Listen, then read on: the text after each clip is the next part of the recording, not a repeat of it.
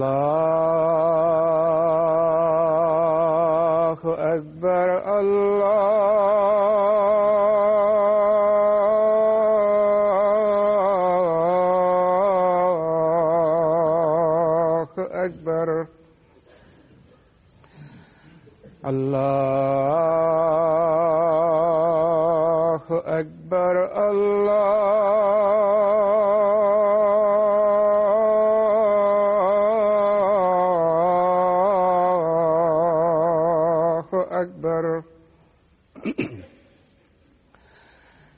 أشهد أن لا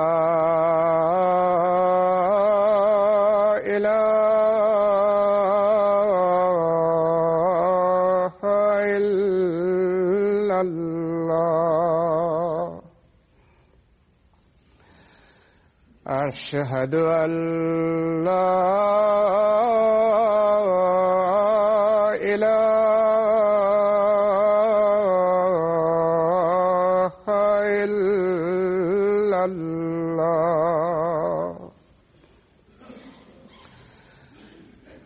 أشهد أن محمدا رسول الله.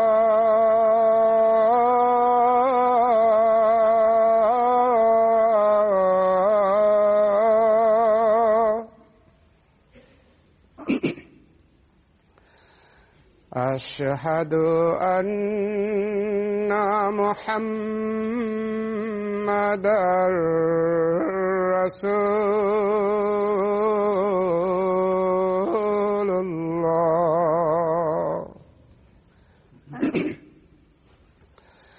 حي على الصلاة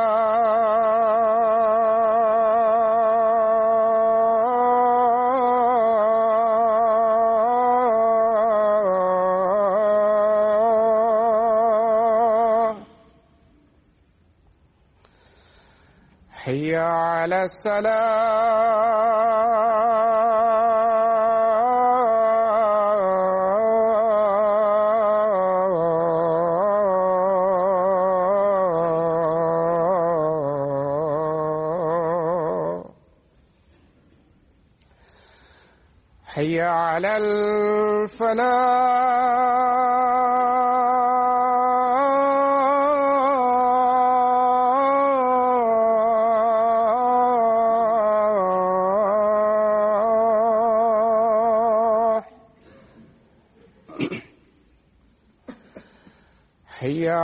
الفلاح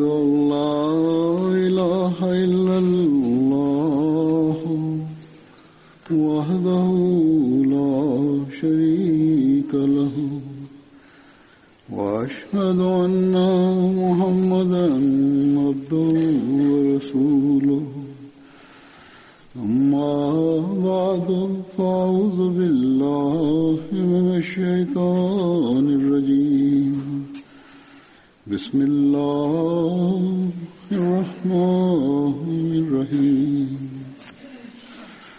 الحمد لله رب العالمين. الرحمن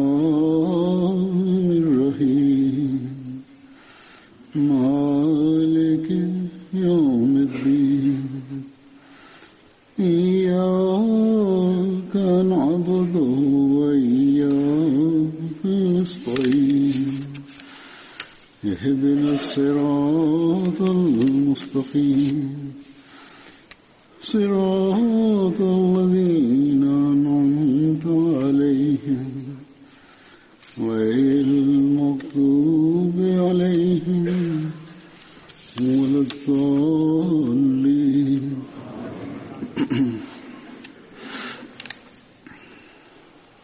ingin mengawali khutbah saya dengan menyampaikan kisah sahabat Badar, lalu menyampaikan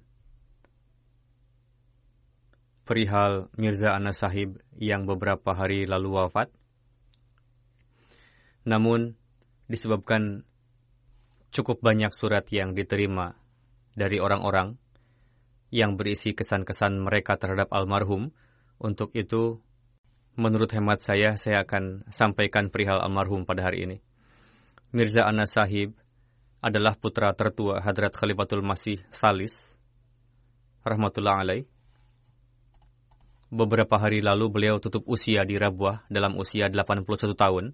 Innalillahi wa inna ilaihi raji'un.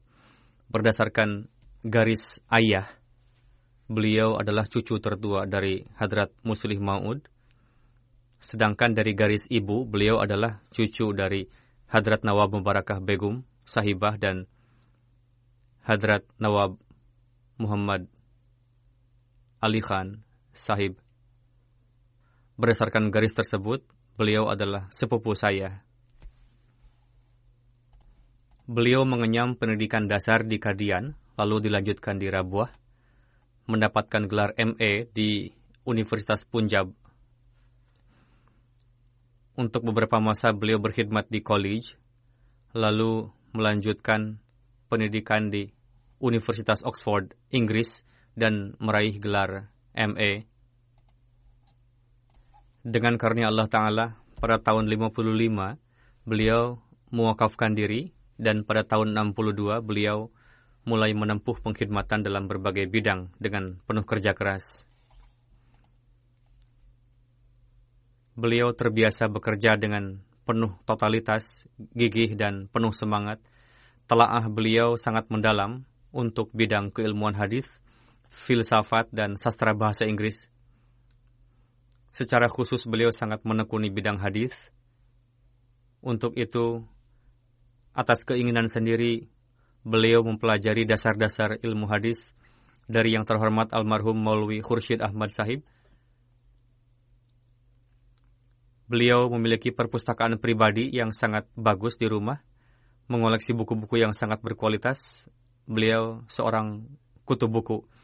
Jika ada mahasiswa dari latar belakang bidang apa pun datang kepada beliau untuk meminta bimbingan, beliau bekali dengan pengetahuan mendalam. Beliau pun memiliki koleksi lengkap kitab-kitab rujukan hadis yang sangat penting dan mendasar yang beliau kumpulkan dari berbagai toko buku,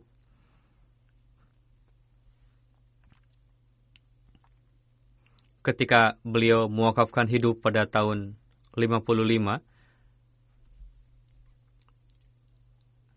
saat itu Hadrat Muslih Ma'ud radhiallahu anhu menceritakan perihal beliau. Beliau bersabda, ketika saya mencanangkan gerakan wakaf zindagi, setelahnya saya menerima tiga pengajuan wakaf. Pertama, pengajuan wakaf dari cucu saya, Mirza Anas Ahmad, putra dari Mirza Nasir Ahmad Sahib. Semoga Allah Ta'ala memberikan taufik padanya untuk dapat memenuhi niatnya itu. Anas Ahmad menulis, tadinya saya berniat untuk mewakafkan hidup setelah menempuh pendidikan hukum, namun sekarang di mana pun huzur berkehendak untuk menugaskan saya, saya siap. Dengan karunia Allah Ta'ala, beliau mendapatkan taufik untuk berkhidmat selama 56 tahun di berbagai kantor jemaat. Penugasan pertama di Talimul Islam College sebagai dosen. Pada tahun 75 ditetapkan sebagai Naib Nazir Islah wa Irsyad, setelah itu sebagai Additional Nazir Islah wa Irsyad, lalu sebagai Sekretaris Pribadi Hadrat Khalifatul Masih ketiga dan Hadrat Khalifatul Masih keempat ketika lawatan pertama ke Eropa. Lalu mendapatkan taufik berkhidmat sebagai Administrator Jami Ahmadiyah Rabuah. Setelah itu sebagai Nazir Taklim untuk beberapa tahun Naib Nazir Diwan, lalu sebagai wakil tasnif di Departemen Tahrik Jadid. Lalu pada bulan Maret 99 ditetapkan sebagai wakilul isyaat.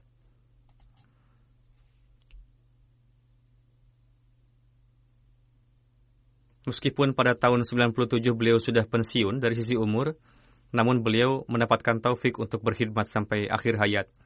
Beliau pun mendapatkan taufik berkhidmat di kepengurusan Khudamul Ahmadiyah dan Ansarullah Markaz. Beliau telah menerjemahkan buku Berahin Ahmadiyah dan Mahmud Ki Amin ke dalam bahasa Inggris dan telah diterbitkan. Terakhir kali beliau masih mengerjakan editing penerjemahan buku Surma Chashma Arya, Izala Auham dan Dure Samin dalam bahasa Inggris. Beliau ditetapkan sebagai kepala sekolah Komiaegae yang setelah itu jemaat mendirikan sekolah di bawah lembaga Nasir Foundation. Beliau pun berkhidmat sebagai anggota Majelis Ifta, anggota Nur Foundation Board.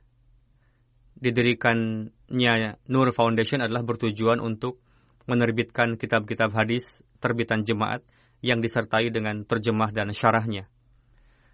Pada masa-masa akhir kehidupan, beliau juga tengah menerjemahkan Musnad Ahmad bin Hambal ke dalam bahasa Urdu.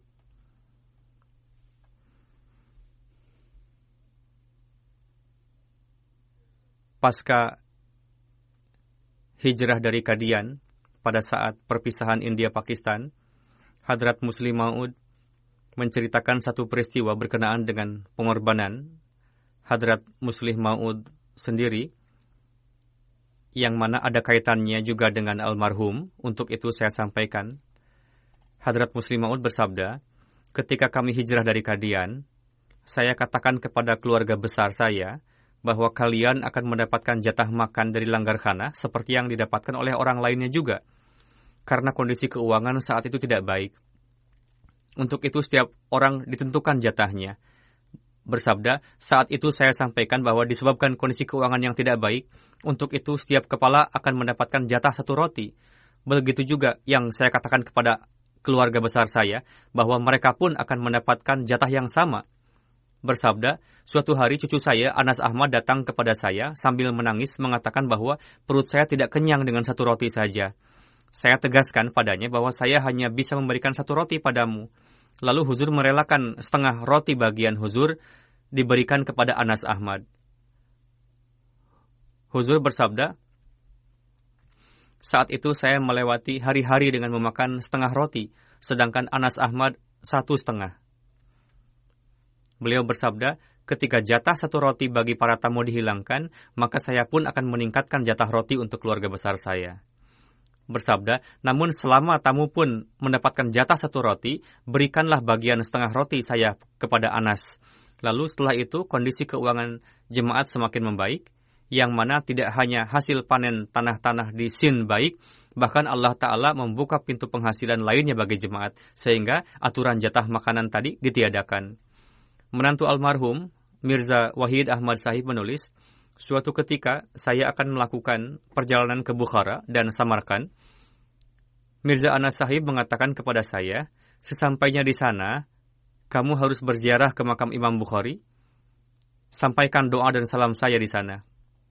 Disebabkan oleh kecintaan beliau kepada Rasulullah, sehingga wujud tersebut, yakni Imam Bukhari, pada ratusan tahun lalu telah mengumpulkan khazanah sabda-sabda dan riwayat dari Rasulullah Shallallahu Alaihi Wasallam lalu menyampaikannya kepada kita. Untuk itu beliau berhak mendapatkan doa dan salam dari kita. Dr. Nuri Sahib menulis, kenangan hidup saya bersama dengan beliau dan mendapatkan kesempatan untuk bergaul dengan beliau cukup lama. Apa pun tugas yang diberikan kepada beliau, beliau kerjakan dengan penuh semangat. Meskipun dalam kondisi lemah karena sakit, saya mendapati beliau tengah menerjemahkan buku Hadrat Masih Maud salam. Meskipun dalam kondisi lemah karena sakit, saya mendapati beliau tengah menerjemahkan buku Hadrat Masih Maud salam. Berjam-jam beliau mengetik di laptop di rumah sakit, sementara orang-orang datang dengan membawa referensi Al-Quran dan buku-buku Hadrat Masih Maud salam berdiri di sebelah beliau, lalu memberikannya kepada beliau.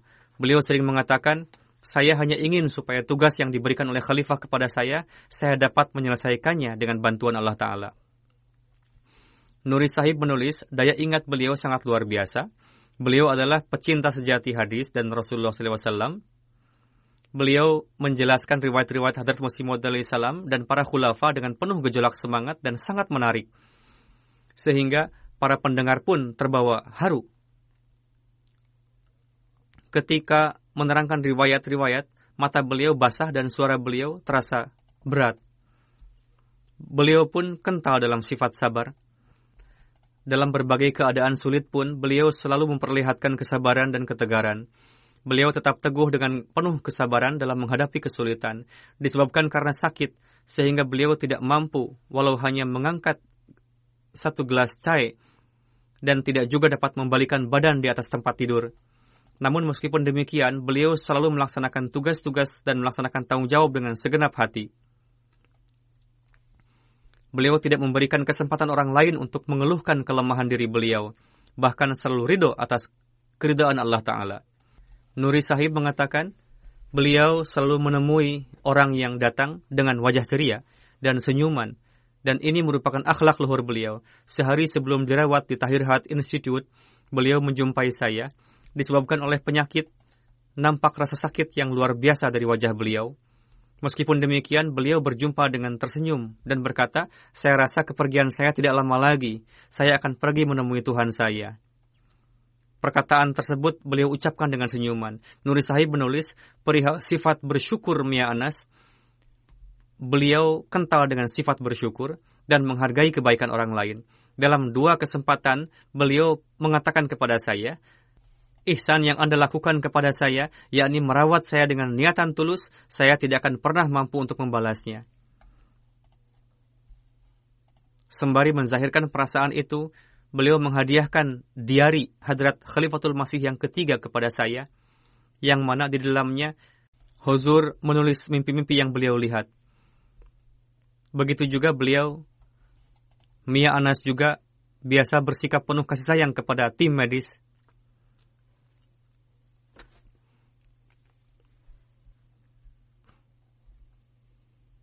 Perpustakaan yang ada di kamar beliau, saya lihat sendiri, keempat rak buku yang diletakkan di keempat penjuru dinding kamar beliau dipenuhi dengan buku, bahkan sampai menyentuh atap.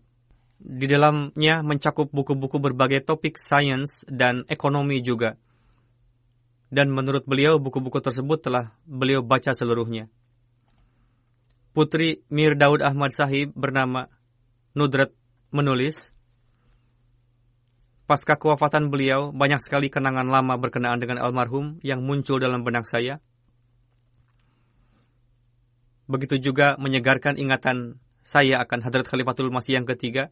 Ketika pernikahan putri saya, saya pergi untuk mengecek persiapan ke tenda. Saya mendapati kakak Anas tengah duduk di sana dan menangis. Saya merasa heran kenapa beliau sudah berada di sini. Setelah melihat saya, beliau mengatakan bahwa pada hari ini, saya sangat merindukan ayahmu, almarhum Mir Daud Ahmad Sahib. Untuk itu saya datang kemari dan berdoa untukmu. Kemunakan beliau, Amir Ahmad Sahib menulis, Beliau seperti seorang ayah yang mencintai dalam keadaan susah dan senang. Di setiap rumah biasa terjadi di mana seseorang berbicara dengan nada marah kepada saudara lainnya. Namun meskipun demikian, beliau selalu memaafkan saudara yang bernada tinggi tersebut sehingga seperti tidak terjadi apa-apa. Bahkan jika beliau merasa orang lain menderita disebabkan oleh nasihat yang beliau sampaikan, lalu meskipun nasihat yang beliau sampaikan itu baik, beliau tetap menyampaikan permohonan maaf pada keesokan harinya. Muniruddin Syams Sahib, Additional Wakil Tasnif, menulis, Saya senantiasa mendapati beliau sebagai seorang yang penuh simpati dan penyayang. Meskipun usia beliau cukup tua dari saya, namun beliau tidak pernah menzahirkan bahwa beliau lebih tua atau lebih tinggi keilmuannya dari saya.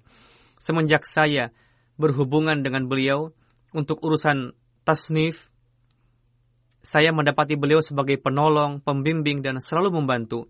Kapan pun beliau diberikan tugas, beliau mengerjakannya dengan kerja keras dan penuh keseriusan. Bahkan selalu mengatakan, berikan lagi saya pekerjaan yang lebih, karena semakin banyak yang dikerjakan dalam keadaan sakit akan lebih baik. Beliau memiliki kecintaan dan ketaatan yang dalam kepada khilafat. Ketika berbicara mengenai tugas-tugas, beliau sering mengatakan, sampaikan salam saya kepada khalifah dan Huzur bersabda, beliau sering mengirimkan salam kepada saya dan sering menanyakan apakah disebabkan oleh pekerjaan saya Huzur kecewa atau tidak. Setiap saat selalu khawatir jangan sampai khalifah kecewa. Meskipun beliau sakit, namun ketika saya berikan suatu tugas, beliau selalu berusaha untuk segera menyelesaikannya. Beliau mendapatkan taufik untuk memberikan penghormatan yang sangat terpuji dalam penerjemahan sebagian buku Hazrat Masih Maud salam ke dalam bahasa Inggris. Beliau mendapatkan taufik untuk menerjemahkan sebagian buku Berahin Ahmadiyah dengan terjemahan yang sangat baik. Dalam finalisasi terjemahan, tim kami selalu memberikan pertimbangan khusus pada masukan-masukan beliau. Kapan pun diberikan petunjuk, Huzur bersabda, Ketika saya memberikan petunjuk, lalu Departemen Wakalat Tasnif menyampaikan kepada Mia Sahib bahwa Huzur meminta pendapat beliau. Maka Mia Anas Sahib menyampaikan pendapat yang sangat baik. Walhasil beliau adalah seorang alim ulama, pengetahuan beliau sangat mendalam, dan sekarang jemaat telah kehilangan itu. Semoga Allah Ta'ala menciptakan lagi ulama-ulama lainnya. Satu keistimewaan almarhum yang ditulis oleh setiap orang dan banyak sekali mubalik menuliskannya juga. Dan Syamsab juga menulis bahwa almarhum sangat menghormati mubalik dan ini merupakan keistimewaan beliau yang besar dan beliau pun sering memberikan bimbingan dalam bidang keilmuan. Hafiz Muzaffar Ahmad Sahib, Additional Nazir Islah wa Irsyad Makami Rabwah menulis, Mia Anas memiliki beragam keistimewaan. Beliau adalah seorang hamba yang bertakwa, mencintai Allah Ta'ala, Al-Quran dan Rasulullah. Sederhana, rendah hati, penyayang adalah merupakan keistimewaan beliau yang nampak jelas.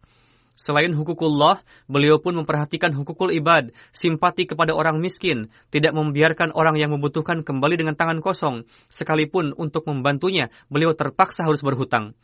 Beliau seorang alim ulama, sangat hobi menuntut ilmu, dan untuk itu beliau sangat gigih dan bekerja keras. Beliau sendiri menuturkan kepada saya bahwa beliau telah menamatkan telaah buku Hadrat Masih Maud salam ketika pasca ujian metrik, yakni ketika liburan pasca lulus kelas ke-10. Beliau juga pernah menyampaikan kepada saya bahwa bahkan beliau tuliskan dalam sepucuk surat bahwa beliau telah menamatkan telaah buku Hadrat Masih Maud salam dalam usia 15-16 tahun. Beliau adalah pecinta sejati Rasulullah, karena itulah beliau hobi untuk mempelajari ilmu hadis, bahkan memiliki kecintaan yang dalam. Dan karena kecintaan dan telaah tersebut, menciptakan kemampuan yang tinggi dan kemahiran dalam bahasa Arab. Sehingga, selain ilmu hadis, beliau pun memperdalam syarahnya dan lain-lain langsung dari bahasa Arab. Setelah lulus kelas ke-10, beliau mempelajari Sahih Bukhari dan dari Hakim Khursyid Sahib. Setelah itu, saya melihat ketika beliau bertugas sebagai dosen di college, maka sebelum pergi ke college, biasanya mobil beliau tengah terparkir di depan rumah Hakim Sahib. Setelah belajar hadis dari Hakim Sahib, lalu beliau berangkat ke tempat pekerjaan. Setelah itu, beliau menelaah sendiri sihah sitah dan kitab-kitab hadis lainnya, dan sampai nafas terakhir, beliau terus sebagai penuntut ilmu. Beliau mengoleksi khazanah kitab-kitab hadis yang sangat berharga dan banyak di perpustakaan pribadi beliau yang sangat bermanfaat dan bernilai. Dari sisi itu, perpustakaan pribadi beliau luar biasa dan istimewa. Begitu gandrungnya dengan ilmu hadis, sehingga kitab-kitab ilmu-ilmu pendukungnya pun seperti ilmu rijal, ilmu usul hadis, beliau koleksi. Melakukan penelaahan yang dalam dan selalu mengadakan diskusi keilmuan.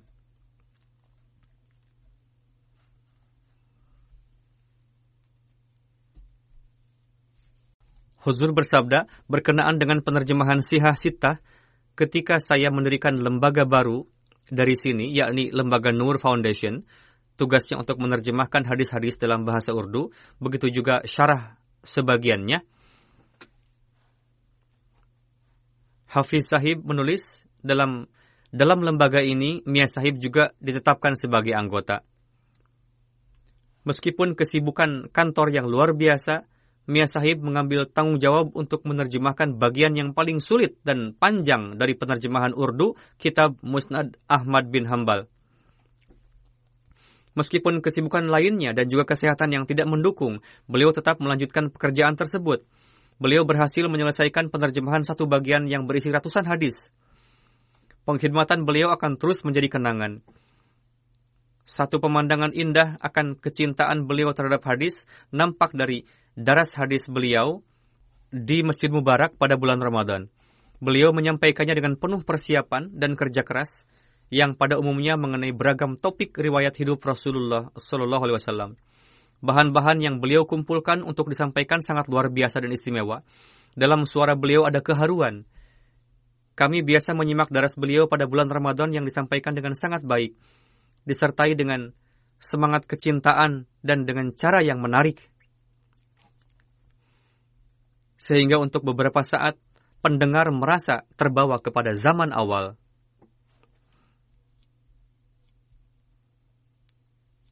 Pada jasa Salanah Rabuah pun beliau mendapatkan kemuliaan untuk menyampaikan pidato sampai beberapa tahun. Syamim Parvez Sahib, Naib Wakil Wakfeno, menulis, Satu kisah kecintaan beliau kepada khilafat selalu tertanam dalam diri saya. Setelah terpilih khalifah keempat, saat itu saya berkhidmat sebagai kaid daerah Jang. Ketika pemilihan khalifah, saya bertugas di bagian luar mihrab Masjid Mubarak. Seketika terdengar kabar dari masjid terpilihnya Hadrat Mirza Tahir Ahmad sebagai khalifah keempat, meskipun saat itu kondisinya sangat panas pada bulan Juni, namun beliau langsung sujud syukur di atas lantai yang panas Dr. Iftikhar Sahib London menulis, Beliau adalah seorang pewakaf zindagi dalam makna hakiki. Beliau tetap hadir di kantor dalam kondisi bagaimanapun. Beliau terus menyibukkan diri sampai nafas terakhir untuk tugas isyaat dan penerjemahan. Beliau sangat larut dalam penerjemahan dan terkadang beliau melewati berhari-hari untuk mencari pemilihan kalimat kata yang sesuai. Standar ketaatan beliau sangat istimewa. Khalid Sahib Russian London, menulis,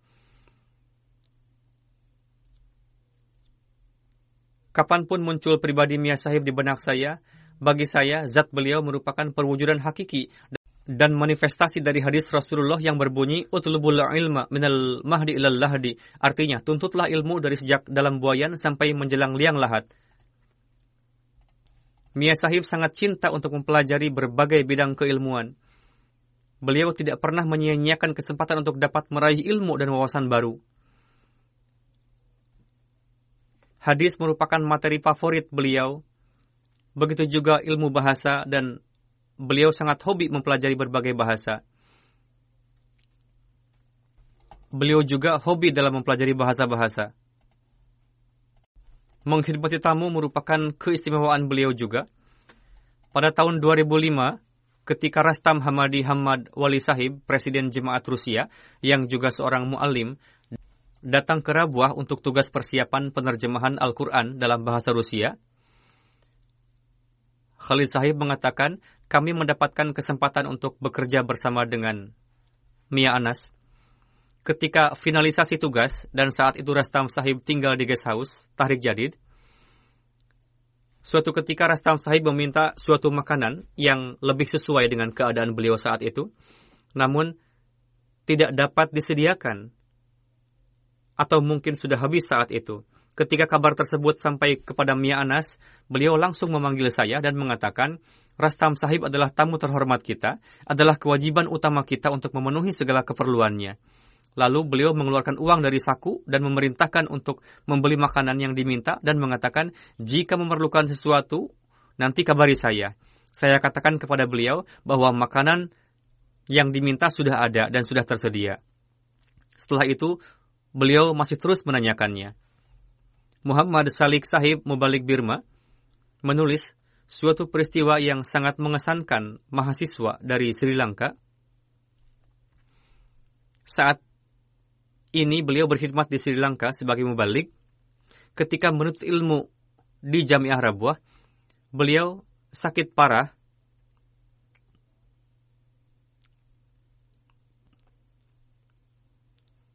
Mia Sahib yang saat itu menjabat sebagai administrator jamiah, sangat khawatir siang malam datang berkunjung ke asrama jamiah untuk mengetahui keadaan saya, layaknya kerabat beliau sendiri yang sakit.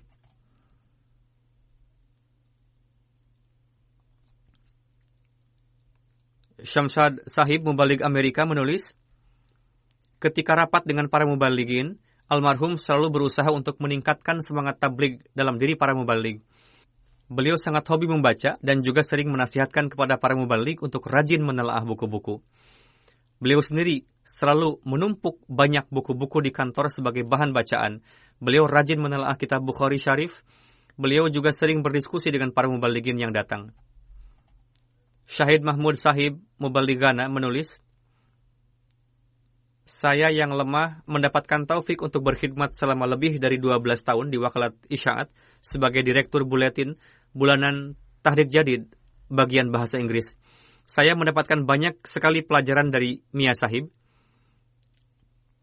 Kecintaan dan ketaatan beliau kepada Hadrat Masih Maud salam dan para khulafa sangat dalam. Tidak jarang beliau berkaca-kaca ketika mendengar nama Hadrat Masih Maud salam disebut. Beliau sering mengajak saya duduk bersama di kantor untuk menerjemahkan buku-buku, khususnya buku Berahin Ahmadiyah, Surma Chasham Arya, dan Mahmud Ki Amin. Sering juga beliau mengajak saya menerjemah di rumah beliau sendiri. Beliau tidak memperhatikan apakah itu hari libur atau jam kantor telah selesai. Seringkali beliau melanjutkan pekerjaan meskipun setelah selesai jam kantor. Meskipun demikian, beliau tetap memperhatikan pengkhidmatan dan kecintaan kepada saya sebagai tamu. Beliau mengatakan bahwa beliau telah menugaskan seseorang untuk mengimami salat zuhur di kantor, supaya semua staf kantor dapat salat berjamaah. Saya terkadang memperhatikan ketika beliau melaksanakan salat sunat dan lain-lain, salat beliau sangat indah untuk dipandang, melaksanakan salat dengan penuh kelezatan. Beliau selalu bersikap penuh kasih sayang kepada staf kantor. Suatu hari, meskipun sakit, saya masuk kantor. Lalu beliau memaksa saya untuk beristirahat di rumah dan memberikan izin cuti selama enam hari. Namun jika beliau sendiri yang sakit, beliau tetap hadir di kantor dan setelah itu melanjutkan pekerjaannya di rumah. Ayaz Mahmud Khan Mubalik yang berkhidmat di Wakalat Tasnif UK menulis, saya mempelajari banyak hal dari beliau perihal tugas-tugas, karena beliau menerjemahkan buku-buku Hadrat Masih Maud salam dengan penuh semangat.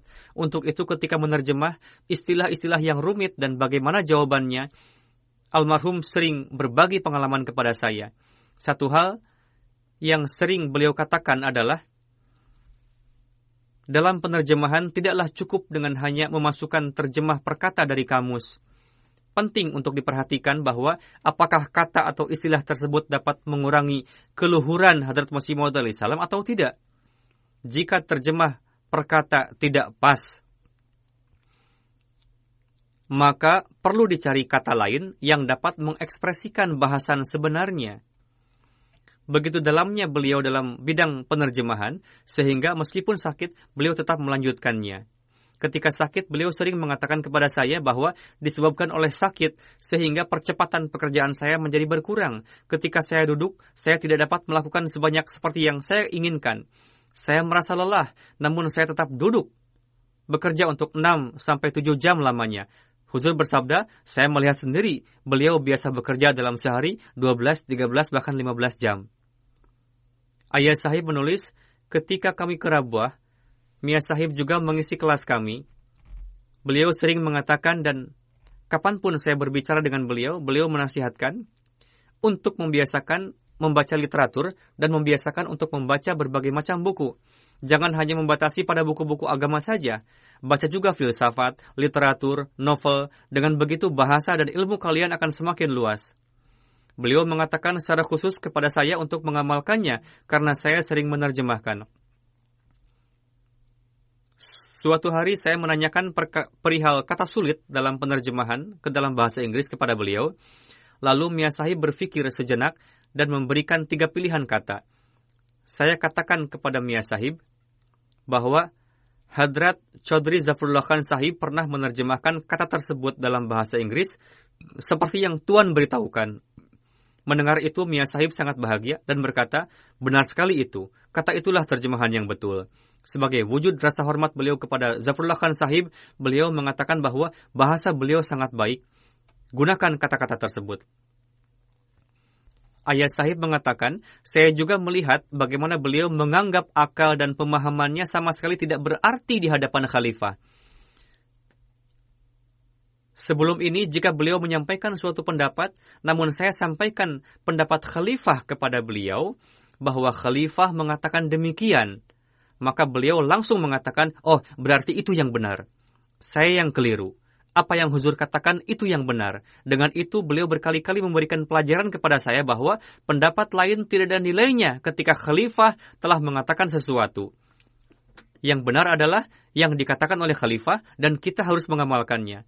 Sheikh Nasir Sahib, staf Russian Desk di London, menulis, saya pernah berkhidmat bersama dengan Mia Sahib di kantor Wakalat Isyaat selama 16 tahun. Saya telah belajar banyak hal dari beliau. Saya selalu mendapati beliau sebagai ayah yang mencintai. Beliau tidak pernah membuat saya merasa sebagai bawahan. Jika terkadang saya merasa bahwa orang tua tidak ada, beliau selalu mengatakan, anggap saya sebagai ayahmu.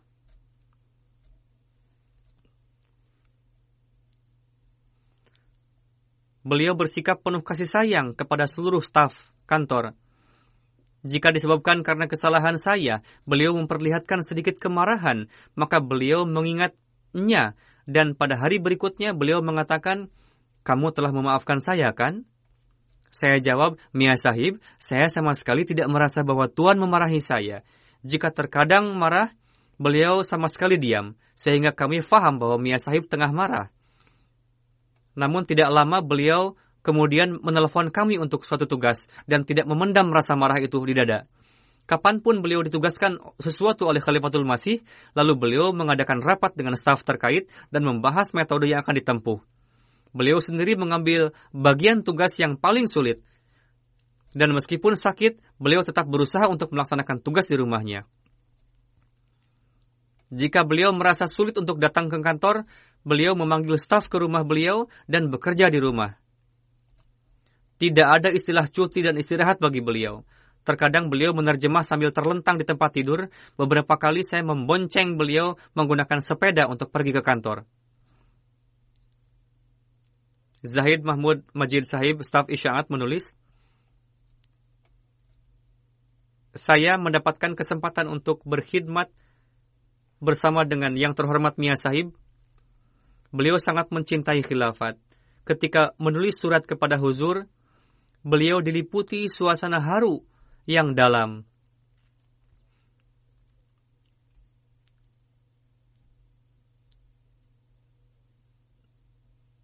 Jika Huzur menugaskan sesuatu kepada almarhum, beliau terus merasa gelisah sebelum dapat menyelesaikannya. Jika kesehatan tidak mendukung, beliau akan sangat bersedih saya pernah terkena penyakit batu ginjal dan dioperasi di Fazal Umar Hospital. Ayah saya mengatakan selama operasi masih berlangsung, Mia Anas Sahib terus berjalan-jalan di luar ruangan operasi sambil berdoa.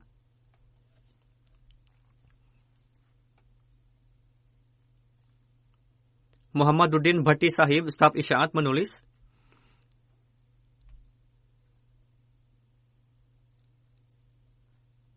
Saya mendapatkan taufik bekerja dengan beliau sejak tahun 95 sampai akhir hayat beliau. Almarhum Mia Sahib senantiasa bersikap penuh hormat kepada para staf beliau. Kapan pun beliau memanggil staf untuk suatu tugas, beliau meminta untuk duduk di kursi terlebih dahulu, lalu memulai pembicaraan. Jika beliau menzahirkan kemarahan kepada staf, setelah itu beliau segera memperlihatkan kasih sayangnya. Sehingga terkadang beliau meminta maaf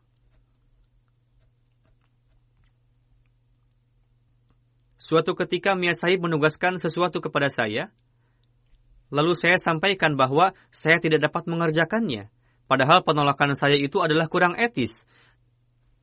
Namun beliau memaafkannya, lalu hanya mengatakan, siogianya Anda tidak menjauh seperti itu. disebabkan karena sakit pada bagian lutut sehingga saya tidak bisa datang tepat waktu di kantor. Ketika saya datang terlambat, kolom absensi terlambat saya diceklis oleh staf. Dan jika checklist terlambat sudah mencapai jumlah tertentu, maka akan terhitung sebagai satu ketidakhadiran.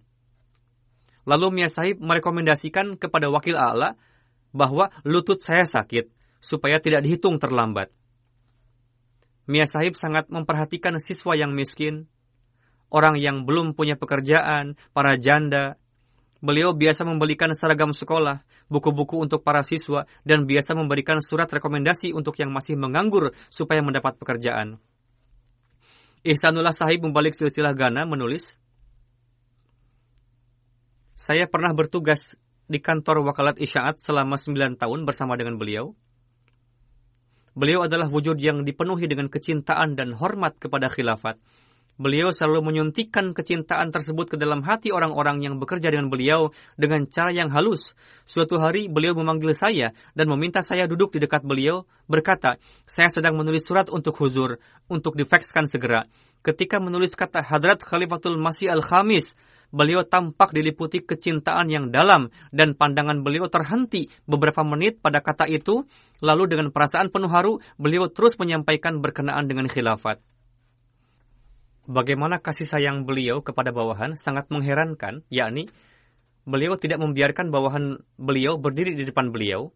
Meskipun sakit parah, beliau tetap nampak memperlihatkan senyuman. Jika sehari beliau memarahi seseorang, pada maka beliau menghiburnya selama dua hari. Sehingga terkadang kami merasa malu. Padahal marahnya beliau hanya dalam corak nada suara beliau meninggi. Beliau tidak menggunakan kata-kata kasar atau menyinggung perasaan jika melihat ada yang bersikap kasar di kantor, beliau menzahirkan ketidaksukaan atas perbuatan tersebut. Muhammad Talha Sahib, dosen takhasus hadis Jamiah Rabuah menulis, Selama takhasus atau spesialisasi bidang, sekitar satu tahun, saya dan yang terhormat Sayyid Fahad Sahib mendapatkan kesempatan untuk memperdalam ilmu hadis dari yang terhormat Mirza Anas Ahmad Sahib.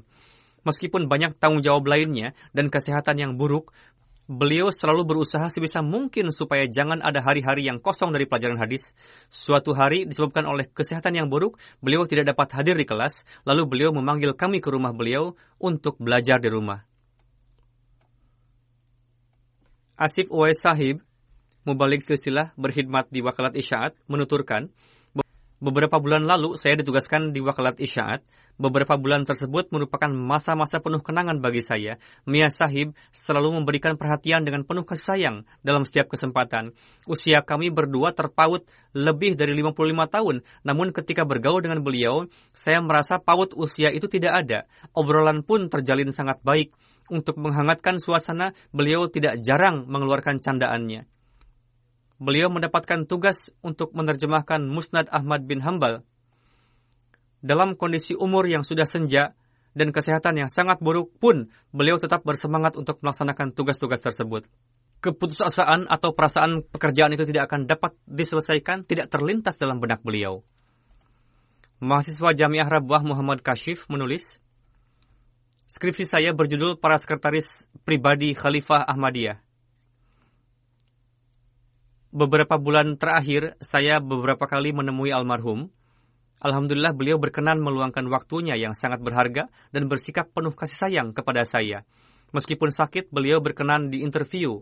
Ketika interview dengan penuh haru mengatakan, upaya dan kerja keras manusia tidak ada artinya. Inilah ringkasan kehidupan saya. Apa pun yang terjadi, itu semua berkat karunia Allah Ta'ala dan jalinan dengan khilafat. Asif Ahmad Zafar dari Rabuah menuturkan, sebelum wafat beliau berobat di Tahir Hat Hospital.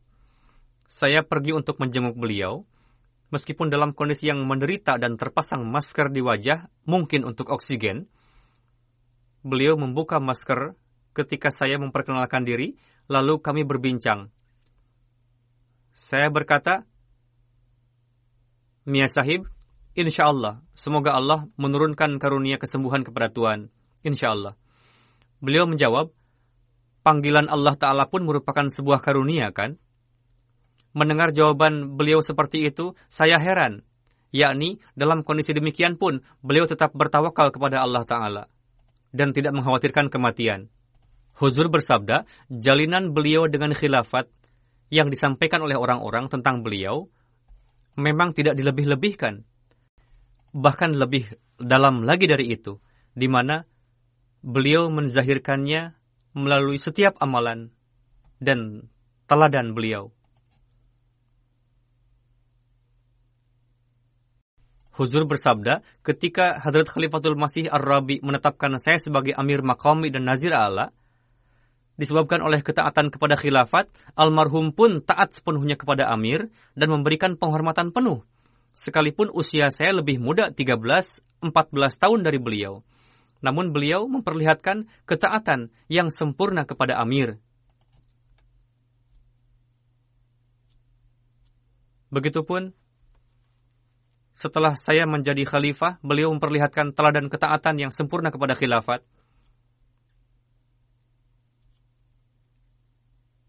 Semoga Allah Ta'ala memberikan magfirah dan rahmatnya kepada beliau. Hal-hal yang beliau sampaikan untuk meraih karunia Allah Ta'ala, semoga Allah Ta'ala mengabulkannya. Memberikan beliau tempat di tengah-tengah para kekasih beliau. Semoga Allah Ta'ala menjadikan anak keturunan beliau orang-orang yang terjalin dengan khilafat. Pada saat kewafatan yang terhormat Mirza Ghulam Ahmad Sahib, Mia Anas melihat mimpi dan pernah saya sampaikan juga, kali ini pun ada yang menulis kepada saya bahwa Mia Anas menuturkan pada saat kewafatan Mia Sahib dua hari lalu, saya melihat mimpi. Dalam mimpi tersebut, kakak Khursyid dan Mia Gulam Ahmad pergi menghadap Allah Ta'ala dan berjumpa dengan hadrat Rasulullah Sallallahu Alaihi Wasallam dan hadrat Masih Maud Salam. Pada saat itu timbul keinginan dalam diri saya untuk berjumpa dengan Allah Ta'ala seperti itu. Lalu saya berkata, Ya Allah, panggillah juga aku ke dekatmu. Lalu Allah Ta'ala berfirman, kamu majulah ke depan. Dengan demikian Allah Ta'ala memberikan tempat kepada saya di dekatnya. Allah Ta'ala telah memberikan kabar pengampunan dan rahmat atas beliau. Semoga Allah telah meninggikan derajat beliau dan semoga anak keturunan beliau pun menjadi orang-orang yang saleh. Amin.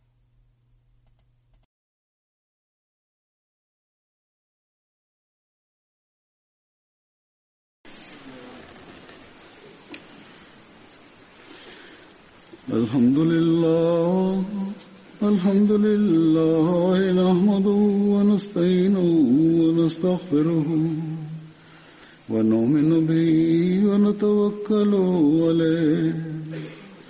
ونعوذ بالله من شرور أنفسنا ومن سيئات أعمالنا. من يهده الله فلا مضل له ومن يضلل فلا هادي له. ونشهد أن لا إله إلا الله ونشهد أن محمدا عبده ورسوله. عباد الله رحمكم الله. إن الله يأمر بالعدل واللسان وإيتاء ذي القربى وينهى عن الفحشاء والمنكر والبغي يعظكم لعلكم تذكرون اذكروا الله يذكركم وادعوه يستجب لكم ولذكر الله أكبر